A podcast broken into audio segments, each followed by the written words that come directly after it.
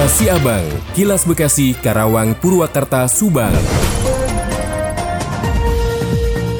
Diinformasikan dari Purwakarta, beberapa perkampungan di dua desa di Kabupaten Purwakarta tidak layak menjadi tempat tinggal. Badan Penanggulangan Bencana Daerah atau BPBD Kabupaten Purwakarta menyebutkan lokasi tersebut termasuk rawan bencana pergeseran tanah.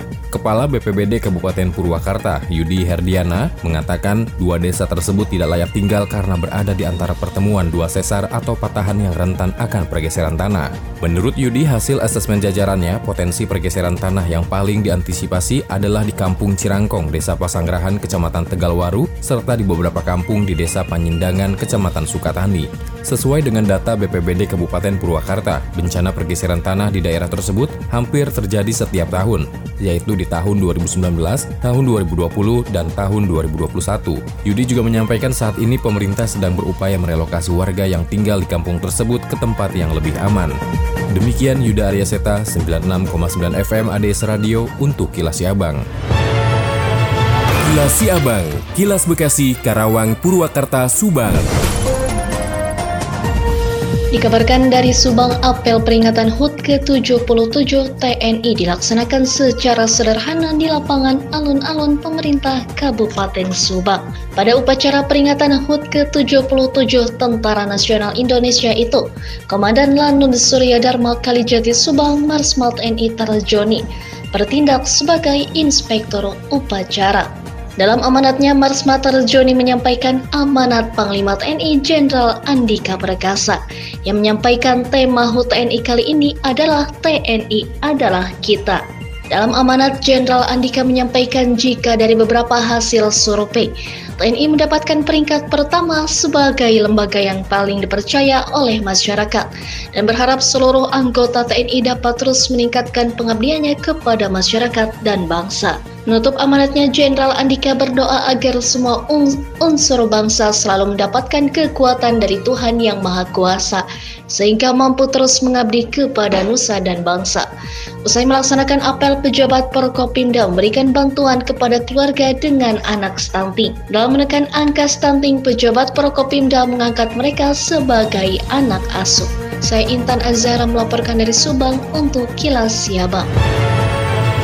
Kilas Siabang, Kilas Bekasi, Karawang, Purwakarta, Subang.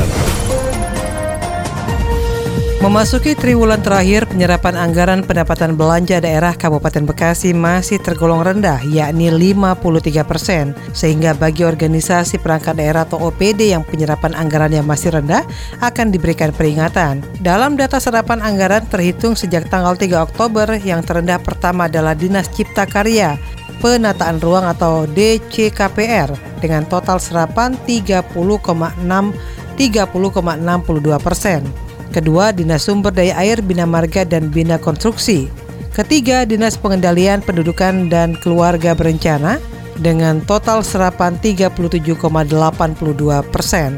Kepala Badan Pengelolaan Keuangan Daerah Kabupaten Bekasi Hudaya menjelaskan, untuk tiga serapan tertinggi pertama pada Badan Pengelolaan Keuangan Daerah lalu disusul Kesatuan Bangsa dan Politik, kemudian Dinas Budaya Pemuda dan Olahraga. Hanya saja Hudaya tidak bisa menyampaikan secara rinci total anggaran yang diserap oleh OPD tersebut.